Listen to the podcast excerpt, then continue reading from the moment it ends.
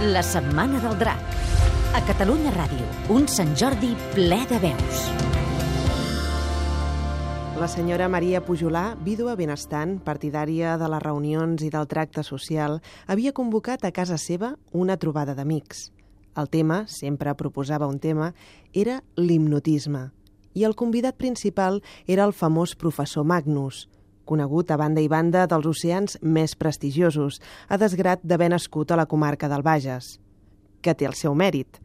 El professor Magnus, nom de batalla, tenia per costum començar les seves sessions demanant la col·laboració del més escèptic dels presents.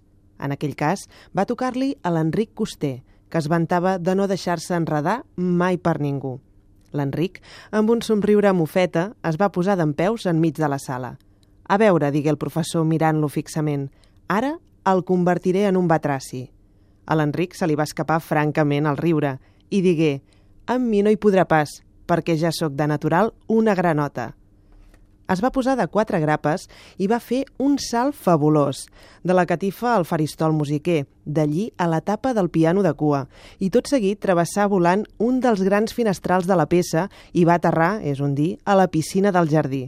Hi van córrer tots i feina tingueren per treure'l de l'aigua, perquè l'Enric raucava tot expulsant-se la mullena.